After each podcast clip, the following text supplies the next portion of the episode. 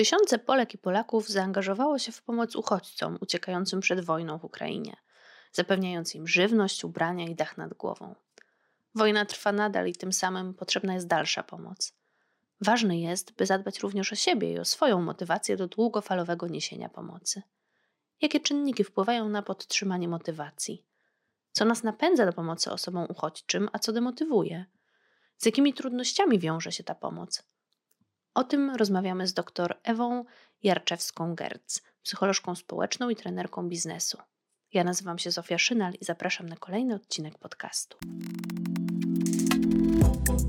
Strefa Psyche Uniwersytetu SWPS. Psychologia bez cenzury. Więcej merytorycznej wiedzy psychologicznej znajdziesz na psycheswps.pl oraz w kanałach naszego projektu na YouTube i Spotify. Zapraszamy. Dzień dobry, pani doktor. Dzień dobry, witam bardzo serdecznie. To zacznę ja od takiego najbardziej ogólnego pytania, czyli prośby o zdefiniowanie tego, czym właściwie jest motywacja. Motywacja to są bardzo różne mechanizmy psychologiczne. To są bardzo różne problemy. Na przykład taki współczesny psycholog motywacji Julius Kuhl stworzył teorię, która się nazywa e, teorią interakcji systemów psychicznych. Bo i właśnie tym jest motywacja, to jest interakcja różnych systemów psychicznych, ale oczywiście większości e, z Państwa to nic nie powie, dlatego ja zacznę schodzić na bardziej konkretny e, poziom. Można powiedzieć, że na motywację składają się takie dwie grupy procesów: procesy poznawcze i procesy emocjonalne. Procesy emocjonalne, na przykład emocje, ich funkcją jest informowanie nas o tym, co dzieje się w naszym środowisku i co dzieje się w naszym mikroświecie, czyli naszej głowie. Kiedy na przykład czujemy radość, to jest dla nas informacja, że wszystko idzie zgodnie z planem, że wszystko się układa, że możemy chwilę sobie poleżeć, po, wypocząć, że nie dzieje się nic zagrażającego. Kiedy pojawiają się emocje negatywne, to jest bardzo, bardzo ważna informacja, dlatego emocje negatywne czasem nazywamy je w tej chwili nieprzyjemnymi, bo one nie są negatywne. Nieprzyjemne w przeżywaniu, to będzie bezpieczniejsze. Tak, one są nieprzyjemne w przeżywaniu, ale one są bardzo pozytywne w tym sensie, że one niosą ze sobą ogromną ilość informacji. One nam właśnie mówią, że dzieje się na przykład coś, co nam zagraża, coś, co sprawia, że powinniśmy zmienić plan działania, zmienić strategię, że powinniśmy zrobić coś innego, powinniśmy pozostać czujni e, na to, co może się wydarzyć. Więc ten niepokój, który one wprowadzają, my go nie lubimy, bo on jest nieprzyjemny ale tak to natura wymyśliła. On ma być nieprzyjemny, bo on ma nam o czymś powiedzieć. I proszę zwrócić uwagę, że jak pojawia się taki proces emocjonalny, to drugą funkcją tego procesu emocjonalnego, oprócz informacji, co się dzieje, jest dostarczenie energii. Na przykład wypoczywamy sobie, leżymy już wieczorem, e, załóżmy, oglądamy jakiś, jakiś przyjemny film, e, komedię, jesteśmy w doskonałym nastroju i schodzi nasz nastolatek, informuje nas, że e, nie zaliczył egzaminu albo oblał sprawdzian, prawda? I pojawia się emocja, e, co się z nami dzieje od razu, z naszym ciałem. Ono, e, ono się zmienia, to znaczy z tego poziomu wyciszenia, relaksacji, relacji, takiego spokoju, nagle czujemy wewnętrzne pobudzenie. E, chcemy coś zrobić, mielibyśmy ochotę wstać i zareagować. Oczywiście, co z tą emocją zrobimy? E, tutaj możliwości jest bardzo wiele. Możemy na przykład właśnie porozmawiać z naszym dzieckiem, choć wieczór to nie jest najlepszy, szczególnie późny wieczór, najlepszy moment na takie rozmowy, ale e, porozmawiać o tym, co zamierza zrobić, jak zamierzamy razem zmienić strategię uczenia się na przykład, jak zamierzamy zmienić rozkład dnia, żeby był czas na naukę. Więc emocje emocja, która się pojawi, da nam energię do tego, żeby w odpowiedni sposób zareagować. Ale oprócz tych emocji, oprócz procesów emocjonalnych, które e, wpływają na naszą motywację, na nasze działanie, e, istnieją także procesy poznawcze. I rzadziej kojarzymy w ogóle procesy poznawcze z motywacją, a one są ze sobą bardzo silnie związane. Bo sposób, w jaki myślimy, choćby o pomaganiu, my się dzisiaj spotykamy na webinarze o, o pomaganiu, sposób, w jaki na przykład myślimy o ludziach, którzy są ofiarami jakiejś trudnej sytuacji, sposób, w jaki planujemy swój czas, sposób, w jaki rozwiązujemy problemy, na ile dobrze funkcjonuje nasza pamięć i jesteśmy w stanie na przykład przypomnieć sobie różne strategie, które wykorzystywaliśmy w przeszłości w analogicznych sytuacjach. Te wszystkie procesy poznawcze wpływają na to, czy dojdzie do rozpoczęcia działania, w jaki sposób je ukierunkujemy, czyli jaką drogę wybierzemy do osiągnięcia naszego celu i przede wszystkim, czy w momencie kryzysu wytrwamy. Dlatego że y, często rozpoczynamy pewne działania, angażujemy się w nie, ale potem nie starcza nam wytrwałości i porzucamy e, nasze rozpoczęte działania. Rzadko o nich tak zupełnie zapominamy. One nas męczą. One nie dadzą nam spać spokojnie w nocy, jak porzucimy szczególnie ważny dla nas cel. Ale mimo wszystko czasami tak się dzieje, że to ognisko motywacji się po prostu wypala. No właśnie, co wtedy możemy zrobić? Co w ogóle wpływa na to podtrzymywanie czy wypalanie e, ogniska motywacji? Znowu procesy emocjonalne i poznawcze. E, bardzo często jest tak, że kiedy e, mamy zrywy, ja mówię o takich zrywach motywacji, że o nagle wymyślamy jakiś cel, to od dzisiaj ćwiczę na siłowni. Nie ćwiczyliśmy przez ostatnie pół roku, biegniemy na siłownię, trzy godziny po prostu się tam skatujemy, brzydko mówiąc, i na drugi dzień budzimy się połamani i myślimy sobie, co to za ludzie mówią, że sport to zdrowie, prawda? Jak ja się czuję. Albo że to jest jeszcze przyjemne do tego. Albo że to ma być przyjemne. I to jest taki zryw, tak? Że, że my po prostu nagle e, postanawiamy, że oto już e, pójdziemy i, i właśnie sobie damy do pieca. I tak samo trochę było z pomaganiem. E, ja w tej chwili, ja też jestem praktykiem, dostaję sporo informacji od ludzi, że w którymś momencie poczuli przeogromne wypalenie pomocowe, bo trochę trochę, e, trochę poszli jakby z motyką na, na, na słońce, prawda? Udali się. E, na przykład wiele osób zaprosiło całe rodziny do swoich domów i jest to absolutnie coś wspaniałego. Cudowna reakcja i empatia, pomoc. E, natomiast z drugiej strony okazało się, że na przykład warunki lokalowe albo styl pracy osoby, która przyjęła uchodźców, no, no niestety w którymś momencie dochodzi do takiego starcia pomiędzy możliwościami, którymi dysponujemy, a chęciami, bo chcielibyśmy więcej pomagać, prawda? Na poziomie dobowym, e, codziennych, e, codziennych zachowań, codziennych sytuacji okazuje się to bardzo, bardzo wypalające. Ostatnio rozmawiałam z panią, która po okresie sześciu tygodni e, wyprowadzili się od niej uchodźcy i po prostu powiedziała, że całuje swoje łóżko, bo odzyskała swoje łóżko i cieszy się, że mogła pomóc, że było to cudowne z jednej strony, ale z drugiej strony bardzo kosztowne i wypalające. I powiem w ten sposób, że ludzie, którzy e, na przykład pomagali przed wojną, bo proszę zwrócić uwagę na to, że przed wojną też było wiele e, sytuacji, w których ludzie potrzebowali pomocy. E, to jest cudowne, że my reagujemy takim zrywem serca na obecną sytuację, ale przecież Syria, przecież Afganistan, przecież głód w Jemenie. Osoby, które na porządku dziennym angażują się w działania charytatywne, e, są wolontariuszami albo też regularnie na przykład finansowo wspierają e, ludzi w potrzebie, u nich ta pomoc była bardziej taka zaplanowana. Ona też nie była taka kompulsywna i taka właśnie bardzo będąca tym zrywem, bo oni na co dzień budują swoje poczucie bycia dobrym człowiekiem. I jak pojawiła się kolejna grupa potrzebujących, to po prostu zareagowali odpowiednio, w sensie udzielali pomocy, ale nie był to taki e, taki zryw, który powodowałby całkowite, całkowite wypalenie i też obniżenie własnego dobrostanu. Czy dobrze rozumiem, że w takim razie to, co by wpływało na to, czy my utrzymamy motywację, czy też poczujemy wypalenie, to, to jakieś dobre zarządzanie swoimi zasobami, a chyba w pierwszej kolejności świadomość e, nie tylko tego, co daję, ale też chyba co tracę dając, bo to jest to, o czym zapominamy w podobnych sytuacjach, że ja oddaję to swoje łóżko i to jest piękne, że ktoś będzie mógł na nim spać, ale jednocześnie ja go wtedy nie mam. Zdecydowanie. I tak jak powiedziałam o tym, że motywacja to są e, procesy poznawcze i emocjonalne, które są odpowiedzialne za to, że pozostajemy aktywni, to, to pojęcie, którego Pani użyła, zarządzania swoimi zasobami jest tutaj kluczowe.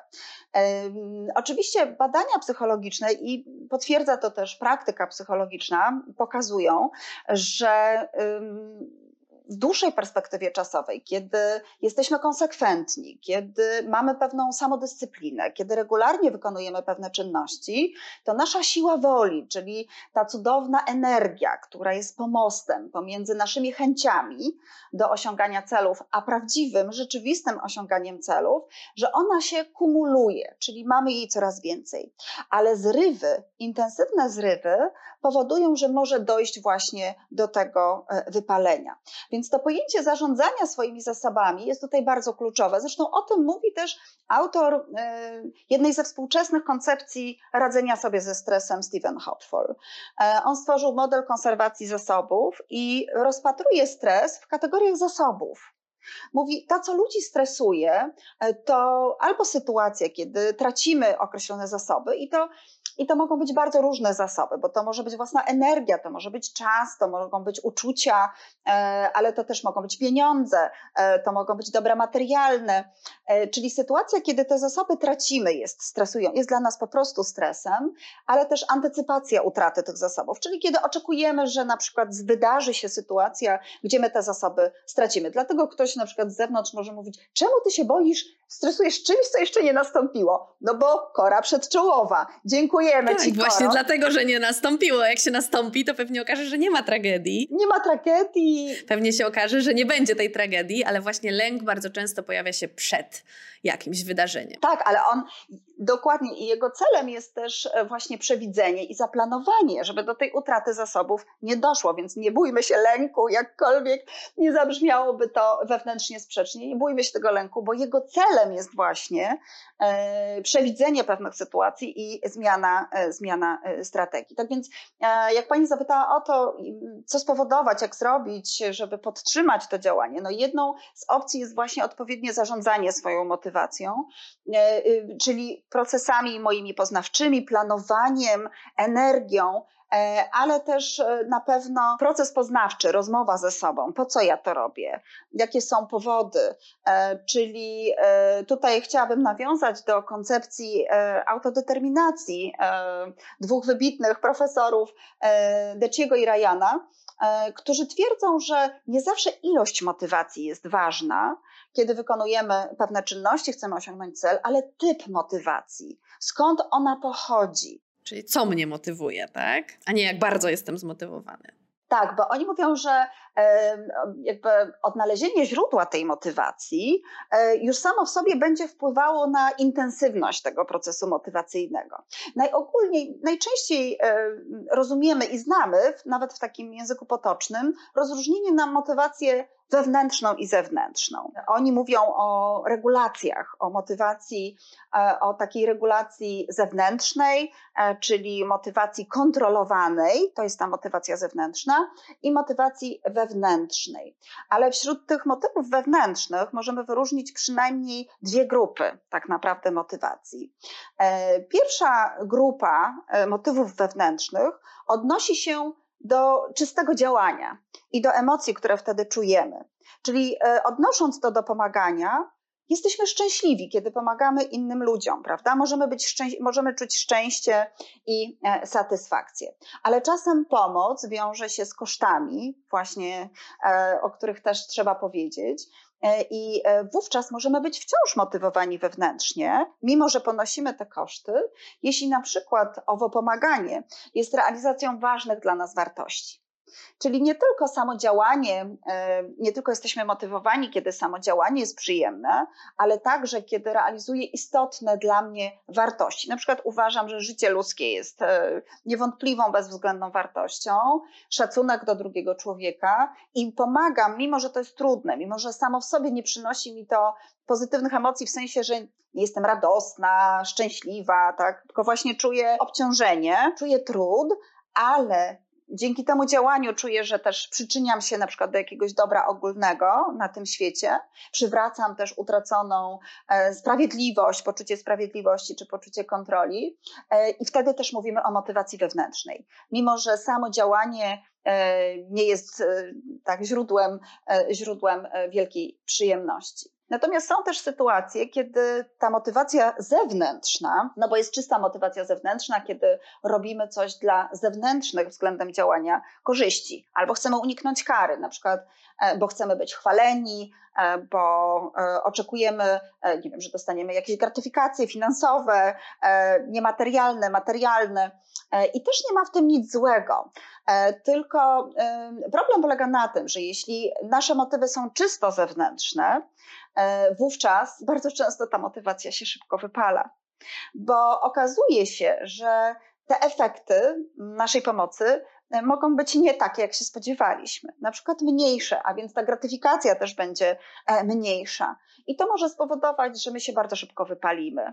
Mhm. A o jakiego rodzaju motywacji zewnętrznej możemy mówić w kontekście pomocy osobom uchodźczym? To jest coś, za co nie dostajemy wynagrodzenia, czy, czy jakieś takie właśnie, no nie wiem, uznanie społeczne, aprobata, to będą też motywy zewnętrzne? Oczywiście, ale to myślę, że, że wciąż warto pomagać, nawet jeśli takie są motywy, e, bo y, oczywiście jeśli to są czysto zewnętrzne, to tak jak powiedziałam, szybko nam się to znudzi i po prostu wrócimy do, do, do swoich jakichś tam rzeczy. Natomiast jeśli jest to element, dlaczego, co miałoby być złego w tym, że my chcemy być szanowani przez innych? No, absolutnie nic. Absolutnie nic złego. Szukamy odpowiedzi na pytanie, co motywuje nas do pomocy tym osobom. Nie? I właśnie rozumiem, że wewnętrzne mogą być e, no, to wszystkie rzeczy, o których Pani powiedziała, i zastanawiam się, czy jakieś zewnętrzne e, byłyby odpowiednie dla tej sytuacji. Zdecydowanie tak. Właśnie ten szacunek ze strony innych, taka aprobata społeczna. Myślę, że myślę, że to są bardzo dobre motywy. Natomiast na przykład, jeśli oczekujemy, że uchodźcy nam się jakoś zrekompensują, kompensują, że, że się zrewanżują, to już idziemy trochę w takim, powiedziałabym, śliski temat, bo jednak najczęściej y, to się po prostu nie dzieje, bo też nie ma takiej możliwości. Oczywiście oni mogą zrekompensować się oddaniem, życzliwością, wdzięcznością, y, którą względem nas czują, y, ale jeśli oczekujemy bardzo jakichś zewnętrznych nagród, to się może okazać po prostu niemożliwe. Ale jest jeszcze inny rodzaj motywacji zewnętrznej, o którym mówią Deczy i Ryan, i to jest introjekcja. Ona udaje motywację wewnętrzną, ale jest zewnętrzna.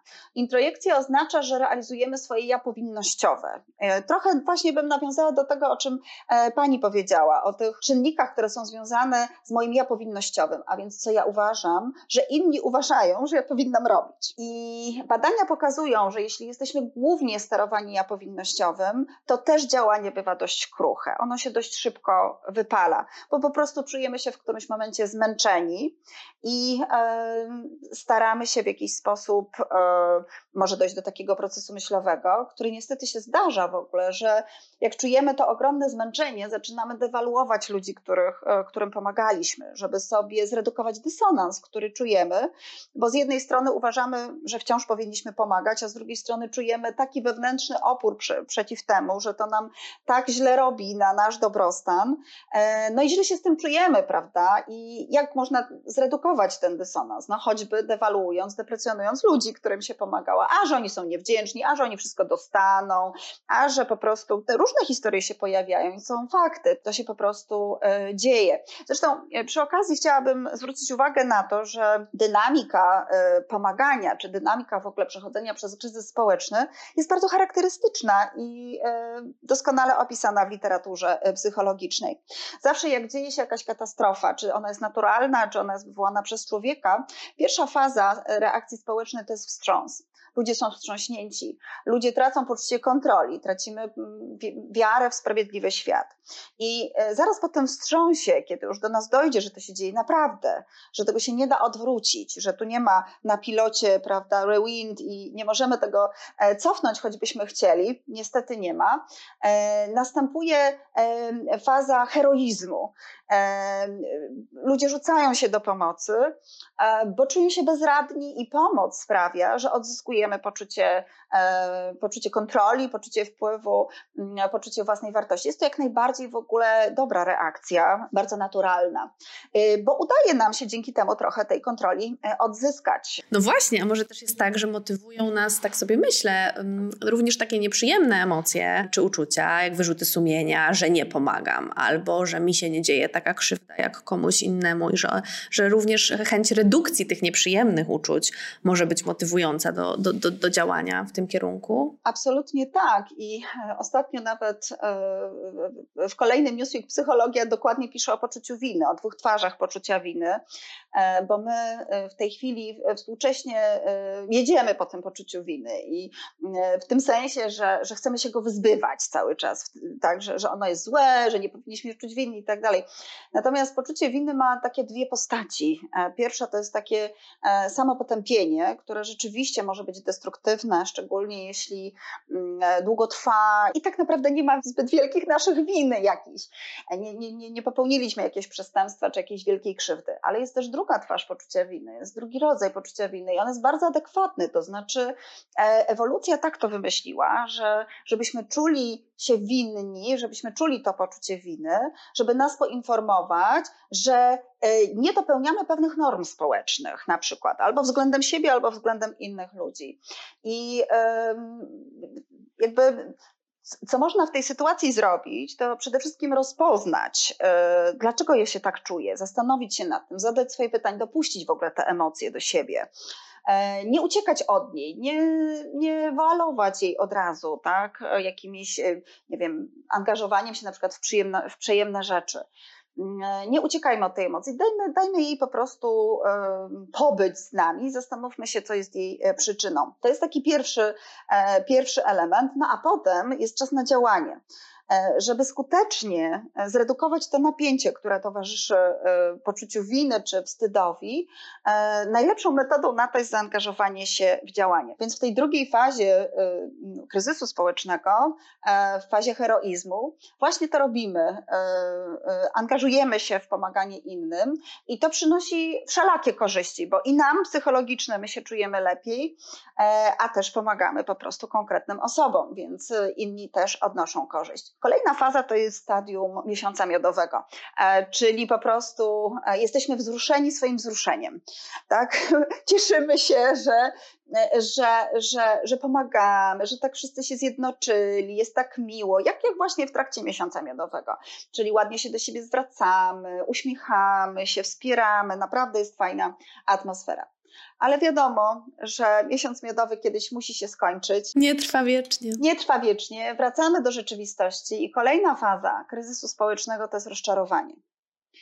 I ono zawsze przychodzi, bo nigdy nie uda się zrealizować 100% założeń, albo no, że jakby ludzie, ich zachowania żyją własnym życiem. My ich nie przewidzimy, my nie jesteśmy w stanie, my jesteśmy w stanie pomagać ludziom, ale my nie powiemy ludziom, jak żyć. I okazuje się, że. Yy, że po prostu pojawia się właśnie to rozczarowanie, czy, czy, czy, czy brakiem wdzięczności ze strony innych, czy tym, że pomoc była niedostosowana, albo była nieadekwatna, albo po prostu też, też nagle okazuje się, że to wszystko się jakoś rozchodzi, że to, że to jakoś pęka, że, nie ma tego ognia, tak, który, który był na początku. I jest, jest właśnie taka faza, gdzie, e, gdzie to ognisko staje się puste, ale pocieszę, że w każdym kryzysie społecznym ostatnią fazą jest faza rekonstrukcji, e, czyli jednak e, robimy pewne podsumowania, układamy sobie pewne rzeczy i bardzo często wchodzimy na nowy poziom funkcjonowania, powstają nowe idee, nowe rozwiązania. Kryzys jest w ogóle cudowną szansą na to, żeby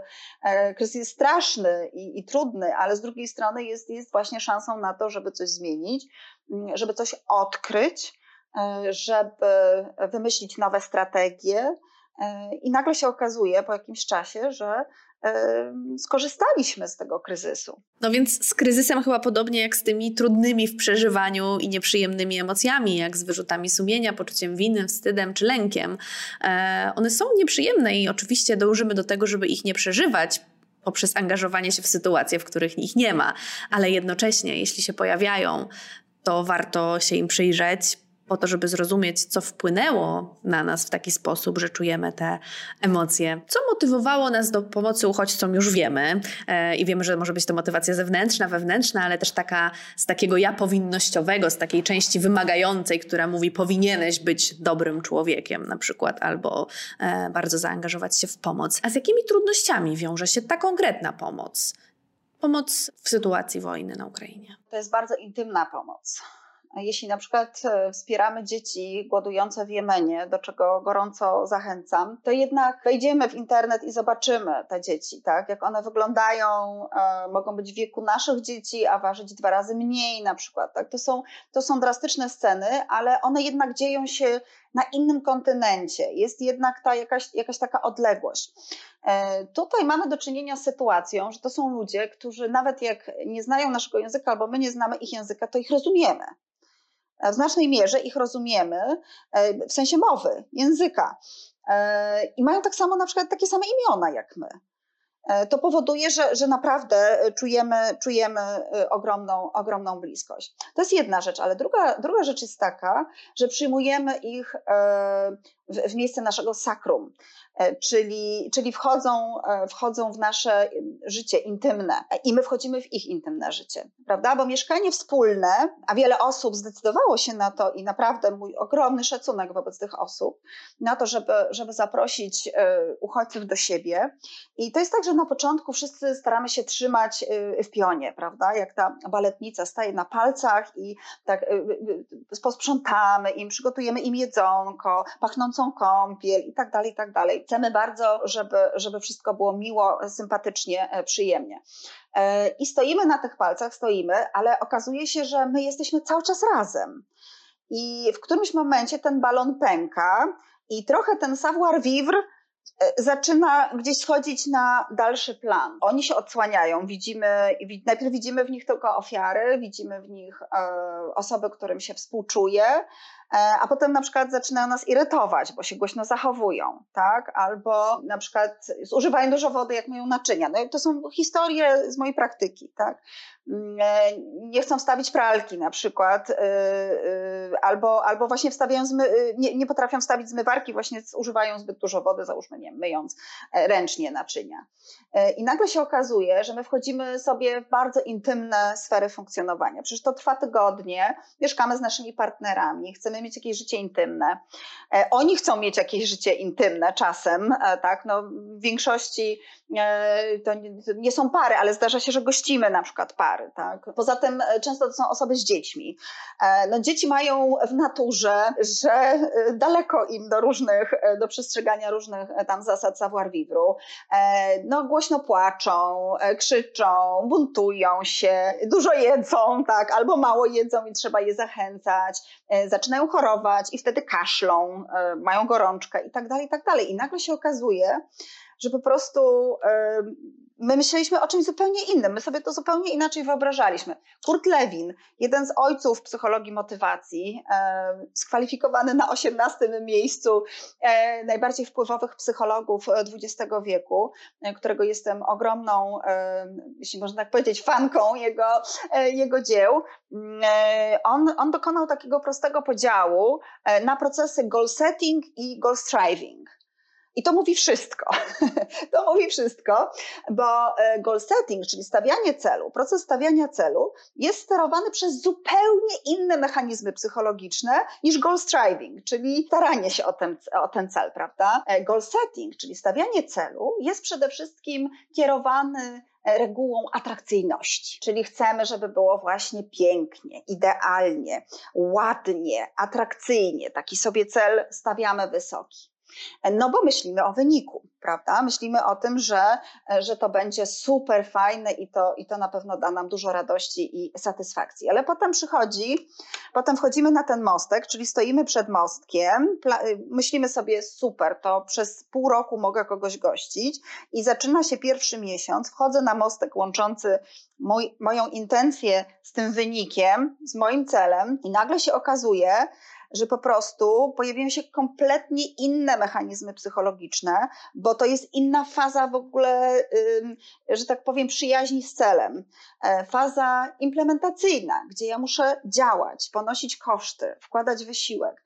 I, e, I myślę, że jak pani zapytała mnie konkretnie o tę sytuację, że nie spodziewaliśmy się, to jest trudno sobie wyobrazić. Trochę porównam to, że do tego, do posiadania dziecka, że e, ja się zajmuję w ogóle symulacjami mentalnymi, czyli wyobrażeniami.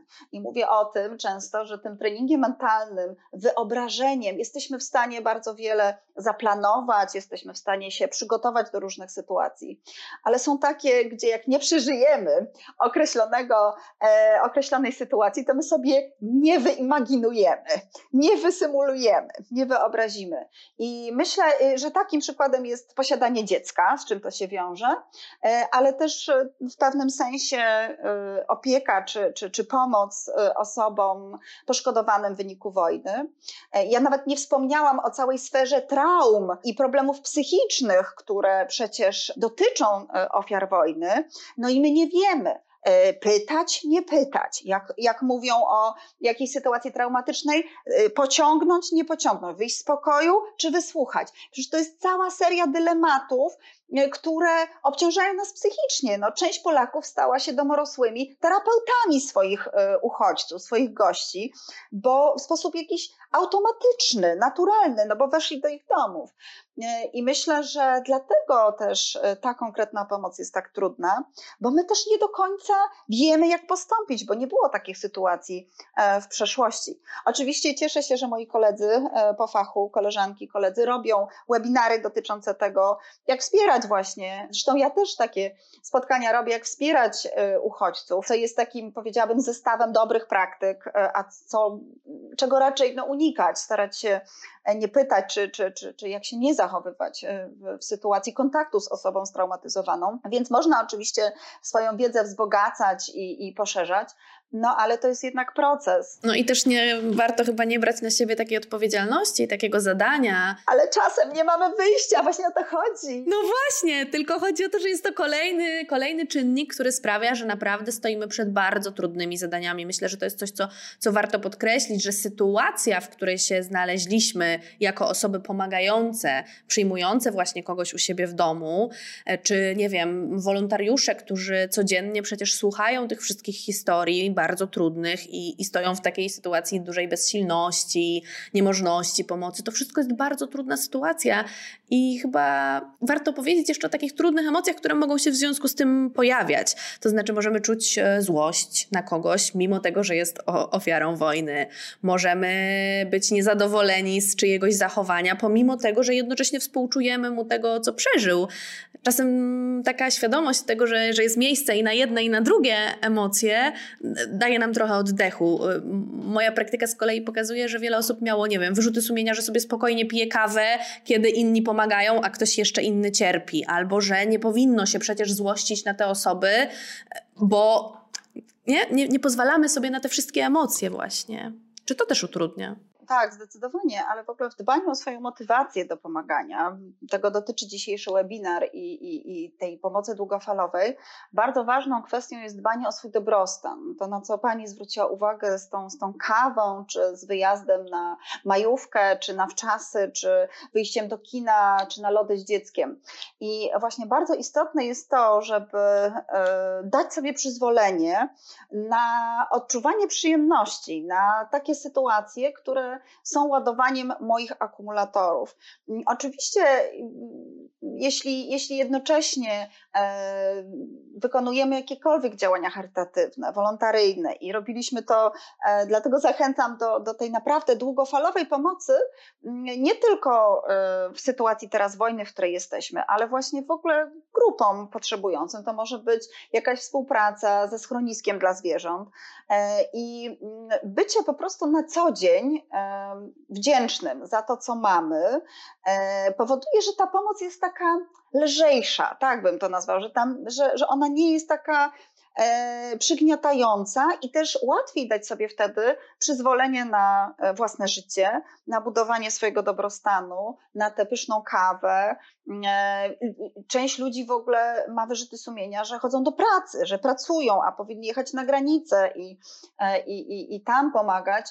E, no jeśli wszyscy stracimy pracę, nie będziemy mieć pieniędzy na to, żeby, e, żeby wspierać e, uchodźców, a oni naprawdę potrzebują pomocy także finansowej i to, i to nie będzie krótkotrwałe, to będzie bardzo długotrwała pomoc, więc wykonując swoją pracę, dbamy o to, żeby mieć środki nie tylko dla siebie, ale też na to, żeby tymi środkami się, e, się dzielić. Więc, e, więc po prostu pamiętajmy o tym, że te codzienne nasze czynności, właśnie przytulanie się z naszymi bliskimi, e, dbanie o nasze relacje, znalezienie czasu na to, żeby właśnie się pośmiać, spędzić miło czas z najbliższymi, żeby pobiegać na swoją aktywność fizyczną, przestrzeń też na zdrowe odżywianie, bo jak popłyniemy w, w tym obszarze też, no to trudno będzie oczekiwać, że będziemy mieć energię e, na, na działanie. E, zadbać też o swój sen, e, czyli o to, żeby e, no, mieć fajne wieczory, podczas których się relaksujemy, a nie koniecznie mm, eksponujemy na te, te ciągłe obrazy różne tych, tych, tych bardzo przykrych sytuacji, które są dramatów. No, przykre sytuacje to, to w ogóle jest nieadekwatne słowo, to są dramaty, to, to są tragedie. I oczywiście bardzo często mówiąc o, o kryzysie wojennym, powtarzam, nie odwracajmy wzroku od tego, bo musimy to widzieć, bo my jesteśmy świadkami historii teraz. Tak? My będziemy o tym opowiadać naszym wnukom, e, my musimy pamiętać o, o tym, co się dzieje. E, ale z drugiej strony nie możemy się dać po prostu zdemontować, tak bym powiedziała, psychicznie, a w pewnym sensie e, jest to cel okupantów, e, żeby właśnie dokonać demontażu takiego, destabilizacji emocjonalnej ludzi na całym świecie, żeby się podzielili, pokłócili, znienawidzili. E, jakby nie idźmy, nie idźmy w, w tym kierunku, a e, żebyśmy nie szli w tym kierunku, musimy też zadbać po prostu o siebie, o swoje życie, o swoje zadowolenie, swój dobrostan e, i, i, i to powinno też przyczynić się do tego, że ta energia nie zostanie wypalona. No właśnie, to chyba taka złota zasada pomagania, że najpierw tę maseczkę tlenową e, mama, a potem dziecko w samolocie, prawda? To też się jakoś do tego odnosi. Jeśli my nie będziemy mieli zasobów, energii, siły, właśnie to też wpłynie na naszą motywację i na spadek e, no, możliwości pomagania jako społeczeństwo, ale też jako każda jednostka. Tak, i to może się też odwrócić przeciwko e, ofiarom, e, dlatego że e, jak poczujemy się już totalnie wypaleni, będziemy szukali uzasadnień, dlaczego mamy zrezygnować z pomocy. I najłatwiejszym na to sposobem jest dehumanizacja. Powiedziałyśmy trochę o tym, już wyprzedzając, tak? no co możemy zrobić, żeby ta motywacja w aktualnej sytuacji trwała zadbać o siebie, ale czy, czy, czy, zanim, to może Pani powiedzieć jeszcze trochę o tym, w jaki sposób e, odnaleźć się w tym świecie wewnętrznym, żeby wiedzieć, co ja mogę, a czego nie, jak rozróżnić, na ile to są powinności. Krótko mówiąc, no, nie rzucam się od razu na to, tak, szukają wolontariusza na dworcu, no to właśnie, czy, czy, czy na przykład, nie wiem, jest jakiś sposób, żeby się zorientować, czy to jest to, co ja, co ja mogę zrobić, na co ja mam siłę, energię, e, a na ile przemawia no, no, no, no jakaś inna część, e, która może potem skutkować, no nie wiem, skrajnym wyczerpaniem i tym, że sami trafimy do szpitala, bo i takie przypadki się działy osób, które po prostu padały z wycieńczenia, z pomagania. Na to pytanie nie sposób odpowiedzieć, nie odnosząc się do koncepcji Terego Higginsa, e, różno, właśnie różnych struktur ja i rozbieżności pomiędzy tymi strukturami. I on wyróżnia zresztą to akurat rozróżnienie dokonała dawno temu Karen Horney na ja idealne, ja realne, ja idealne, ale on dodał do tego też ja powinnościowe. I ja realne to jest to, co, e, co po prostu uważamy, nasza samowiedza, e, nasza opinia na temat siebie, jacy jesteśmy w tej chwili, w danym momencie, to jest ja realne. Ja idealne to jest pewna wyidealizowana czy też wyobrażona wersja siebie, to jest to, do czego chcemy dążyć. I Higgins nazywa to takim działaniem promocyjnym, rozwojowym. E, I mówi, że, że, że jest to, oczywiście ma to funkcję ogromną motywującą, bo mm, ta rozbieżność, chęć redukcji tej rozbieżności powoduje właśnie, że planujemy e, i, e, i działamy. Natomiast w sytuacji ja powinnościowego, czyli to jest to moje wyobrażenie, co ja powinnam, co ja myślę, że inni uważają powinnam robić, mm, on nazywa to orientacją, e, orientacją e, związaną z bezpieczeństwem, e, prewencyjną. To jest taka orientacja będąca prewencją, próbą uniknięcia bardzo negatywnych emocji.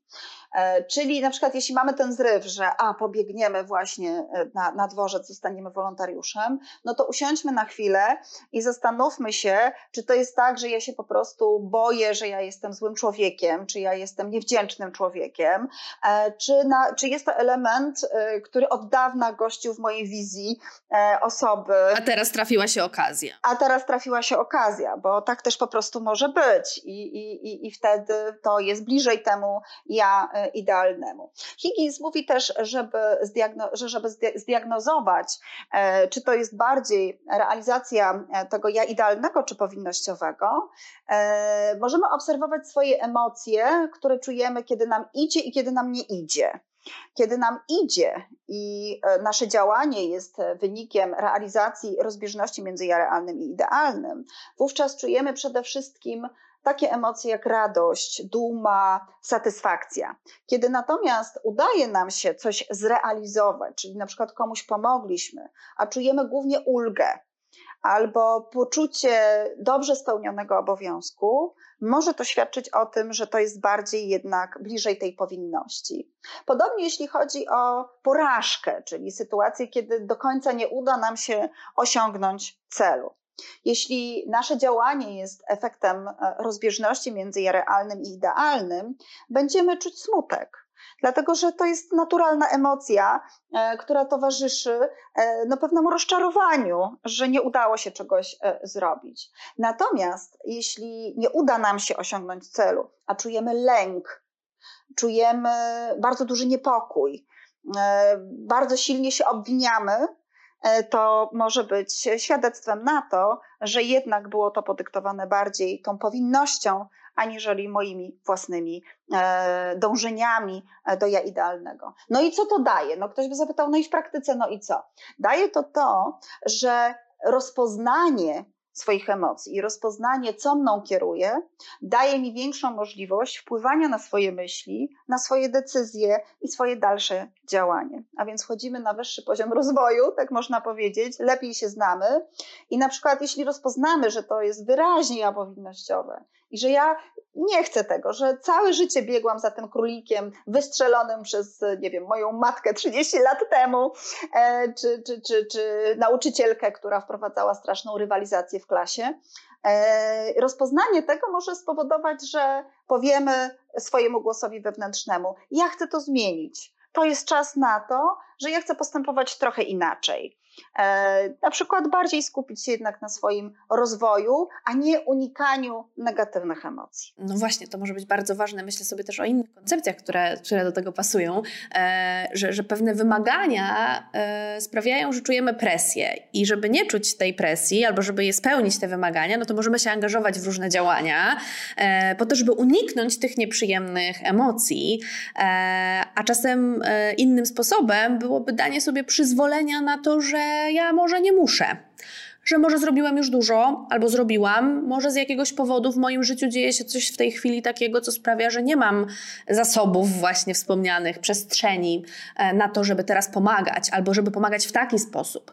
Może ja mogę pomóc przelewając pieniądze, a ktoś inny nadaje się do tego, żeby być wolontariuszem na dworcu. Z różnych powodów to niekoniecznie musi być rola dla nas. Bardzo ważną kwestię pani e, poruszyła. Znaczy, tam było takie słowo, które otworzyło, otworzyło kolejną, e, kolejne miejsce tutaj u mnie w głowie, na które chciałabym zwrócić uwagę, a mianowicie, że czasem, e, czasem e, pomaganie bywa ucieczką od swoich problemów. Na przykład nie idzie nam w pracy, albo w związku, albo no, mamy jakieś takie poczucie, że utknęliśmy w jakimś takim martwym punkcie naszego życia i zamiast skupić się na porządkowaniu swoich spraw, lecimy, lecimy po prostu, robimy zbiórkę, wyjeżdżamy na Ukrainę, jesteśmy przydatni, jesteśmy, y, jesteśmy wartościowi, robimy fajne rzeczy. I teoretycznie nie byłoby z tym nic złego, ale często mamy w domu naszych partnerów, nasze dzieci, naszych rodziców, bliskich, przyjaciół i jakby nie było, ja mówiłam o tym ja powinnościowym, ale my jednak mamy pewne zobowiązania wobec naszych bliskich. Bycie w relacji nie oznacza, że po prostu możemy sobie robić cokolwiek chcemy. To jest przywilej bycia w relacji tak naprawdę. Przywilej i konsekwencja, no przy każdy kij ma dwa końce. Ktoś by powiedział, to jest obowiązek, ale ja mówię, że to jest przywilej. I, e, I czasem właśnie to może być tak, ja to obserwuję też na przykład u części osób, które uprawiają sporty ekstremalne, że oni lubią to pobudzenie takie silne, wyjadą na bieg na pustynię, a w domu mają bajzel totalny, w sensie nie tylko chodzi o bałagan e, taki, taki fizyczny, ale w relacji, w pracy, w różnych sferach swojego życia.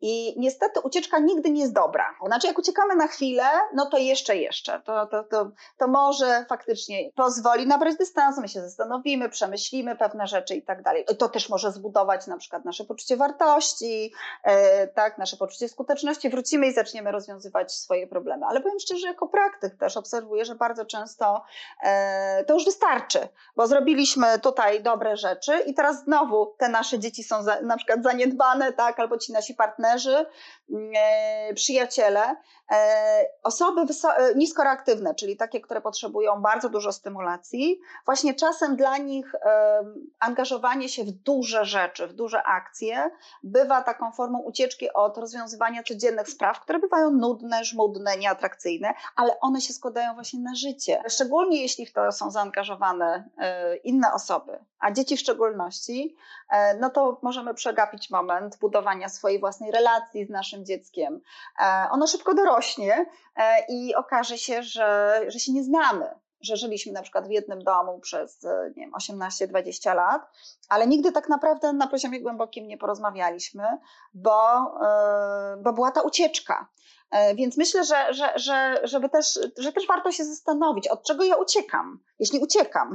Albo co poświęcam, bo ja z kolei pomyślałam jeszcze o jakimś takim samopoświęceniu, że jeśli ja rezygnuję e, z, różnych ważnych dla mnie rzeczy, e, no i znowu, jeśli to jest na chwilę, ja, że tak powiem, po rozmowie z sobą wiem, że mogę sobie na to pozwolić, no ale czasem długofalowo rezygnujemy z siebie, ze swojego życia, ze swojego miejsca do życia. To się zawsze odbija rykoszetem. Znaczy, to zawsze zawsze jest po prostu, to tak jak te matki Polki, e, które, które już coraz rzadziej, ale, ale to nieprawda, że ich nie ma, e, poświęcają, właśnie jest ten element takiego poświęcenia e, nie radości, jakiegoś fajnego czasu, tak, tylko, tylko poświęcenia. Bardzo, bardzo silnie jest to akcentowane.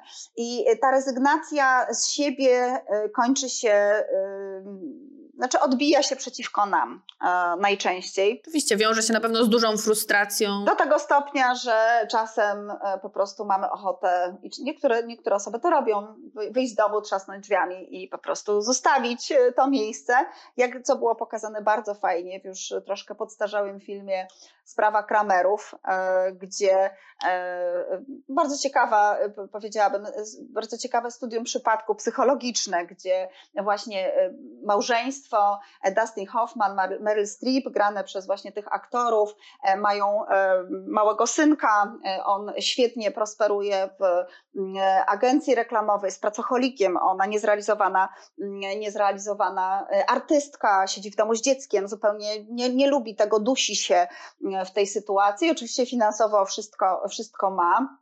E, natomiast e, próbuje porozmawiać z tym swoim mężem o tym, że sytuacja jest e, trudna, że ona nie chce tak żyć, że ona się męczy, ale on właśnie ucieka od tych trudnych emocji. Za każdym razem, jak się pojawia trudny temat, on albo wychodzi, albo obraca w żart, nie chce się z tym skonfrontować, z tymi nieprzyjemnymi emocjami i któregoś dnia po prostu wraca do domu. Ona jest już spakowana, oddaje mu karty kredytowe, zabiera tam jakieś małe pieniądze, zostawia mu dziecko i mówi: Do widzenia, ja się wyprowadzam, ja odchodzę z tego domu, jestem nieszczęśliwa szczęśliwa.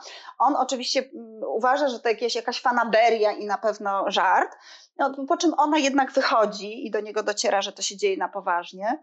E, no to ogromny kryzys, bo on ma się zająć dzieckiem, on w ogóle nie wie, kim jest jego syn, co lubi jeść, e, że są infekcje, że, że są jakieś problemy. Traci pracę, e, bo zaczyna zajmować się swoim dzieckiem i przechodzi taką metamorfozę, która de facto powoduje, że on wchodzi na wyższy poziom swojego funkcjonowania. On odkrywa właśnie relacje z dzieckiem, odkrywa radość życia. Ta sytuacja kryzysowa zmienia na plus jego życie, ale coś stracił. Stracił żonę i nigdy już jej nie odzyskał a, a po prostu ona przez lata rezygnowała z siebie i w którymś momencie e, nie wytrzymała tego, trzasnęła drzwiami i, i po prostu wyszła. E, I tak, I tak jest bardzo często, jak rezygnujemy z siebie długofalowo, właśnie z tej dobrej kawy, wyjścia do kina, e, z, z, jakiegoś miłego spędzania czasu, ze spaceru, z aktywności fizycznej, z tego, żeby pomyśleć o tym, że każdego dnia musi coś fajnego się wydarzyć, ale ja to muszę zrobić, nie czekać na to, aż e, z kosmosu mi to spadnie bo tak można czekać wiecznie, e, ale właśnie takie drobne, drobne e, rzeczy, codzienne, które sprawiają, że tych pozytywnych emocji, pozytywnych doświadczeń jest, jest ciut więcej. Wtedy też będziemy w stanie długoterminowo utrzymać motywację, czy do pomocy uchodźcom, czy do jakiegokolwiek prawdopodobnie innego celu. Na pewno będzie nam dużo łatwiej. Będziemy ładować swoje baterie zaspokajaniem potrzeb. Powiedziała Pani o tym filmie. E, zastanawiam się, czy jest jeszcze coś, co mogłaby Pani polecić uczestnikom e, dzisiejszego spotkania. Mam na myśli literaturę albo właśnie jeszcze jakiś film, e, czy, czy, czy jakieś czasopismo. Mm, wspomniała Pani też o artykule chyba, który niedługo się ukaże, prawda? On też w temacie, więc, więc czy może Pani powiedzieć, gdzie ktoś zainteresowany tematem motywacji mógłby szukać informacji? Na pewno polecam bardzo y, książkę y, napisaną przez profesor Karol Dweck, która jest psycholożką edukacji.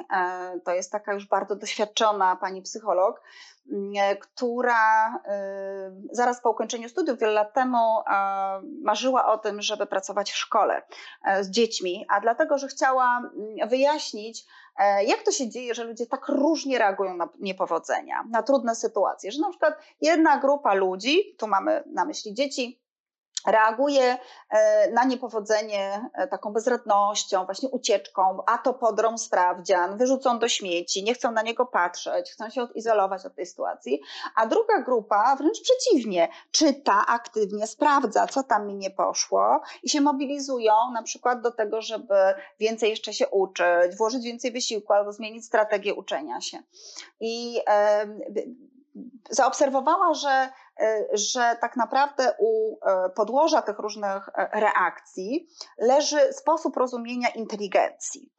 Dzieci, które reagowały bezradnością, czyli tą ucieczką, nie chciały się skonfrontować z trudną sytuacją, wierzyły, że inteligencja jest czymś stałym. To znaczy, jak się urodzimy z określonym poziomem inteligencji, to już później niewiele da się z tym zrobić. E, to wyjaśniało, dlaczego one reagują bezradnością w sytuacji porażki. No bo porażka jest dowodem na to, że ja nie jestem inteligentna, a skoro jest to stała jakaś e, cecha, to ja nie mogę tego zmienić, więc uciekam od tej sytuacji. Tymczasem ludzie, którzy, dzieciaki, które reagowały na niepowodzenie mobilizacją.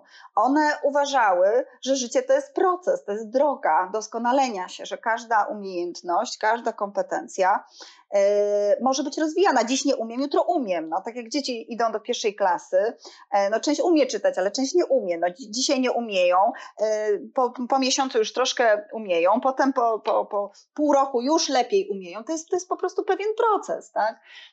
I Okazało się, że właśnie y, nazwała to w ogóle mindsetem, czyli takim, powiedziałabym, stylem orientacji, stylem, sposobem myślenia, przetwarzania informacji. I okazało się, że oczywiście to występuje też u dorosłych i możemy różne zjawiska motywacyjne właśnie wyjaśniać e, tymi dwoma mindsetami. Jeden mindset nazywa się fixed mindset, czyli takie nastawienie na trwałość trwałość cech, trwałość zjawisk i drugie to jest nastawienie, to jest growth mindset, czyli nastawienie na rozwój, wiara w to, że mogę e, się rozwinąć, że mogę działać lepiej. E, I okazuje się, że na przykład proszę zwrócić uwagę, jak ludzie reagują w związkach. Jak po pierwszym okresie honeymoon właśnie, e, miesiąca miodowego, pojawiają się jakieś problemy, pojawiają się różnice i dla jednych mm, te problemy będą sygnałem, że trzeba odejść i szukać. To jednak nie ta osoba. To nie ta osoba. Trzeba szukać, rozglądać się za nowym obiektem. A dla innych będzie to właśnie informacja, że to jest czas na pracę, na wysiłek, na to, żeby się dotrzeć, żeby się zrozumieć, żeby móc ze sobą e, być. I jest cudowna książka właśnie, Karol Dweck po polsku, e, Nowa psychologia sukcesu. E, bardzo, bardzo tę książkę polecam. Polecam także z, tej dziedziny motywacyjnej książkę Roya Baumeistera Siła woli, o tym właśnie, że co to, co, co to jest ta siła woli i i, i, o tym, że możemy się wypalać czasem i że ten, e, ten, e, to ognisko motywacji e, bywa, bywa puste. Oczywiście no jest mnóstwo różnych artykułów popularno-naukowych w tej chwili, które dotyczą. No właśnie, czy coś co do tej sytuacji wojny, albo przynajmniej tak jak Pani wspomniała, że to jest bardzo dobrze zbadane, co się z nami dzieje jako społeczeństwem w takich e, kryzysach, e, to czy, czy tutaj możemy o czymś gdzieś jeszcze doczytać, coś więcej się dowiedzieć? Ja bym przestrzegała też przed takim nadmiernym zanurzaniem się w, w informacje, bo wtedy się robi też dezinformacja. E, natomiast, natomiast rzeczywiście no jest, jest kilka takich periodyków psychologicznych, które, które mogę spokojnie polecić, bo w nich można znaleźć artykuły e, no, pisane przez profesjonalistów, takie jak na przykład charaktery, czy, czy właśnie Newsweek Psychologia. To na pewno e, tam szukałabym i w tej chwili wiele numerów poświęca, tak, poświęca temu uwagę. Podobnie tak jak i my, właśnie w związku z tą sytuacją, w której wszyscy się znaleźliśmy. Bardzo, bardzo dziękuję. Państwu również dziękuję e, za aktywność, e, za zaangażowanie. No i zapraszam na kolejne webinary Strefy Psyche Uniwersytetu SWPS. No a w międzyczasie zachęcam do czytania, oglądania i słuchania naszych materiałów, które znajdziecie Państwo e, między innymi w serwisie Spotify. Bardzo dziękuję. Ja również dziękuję.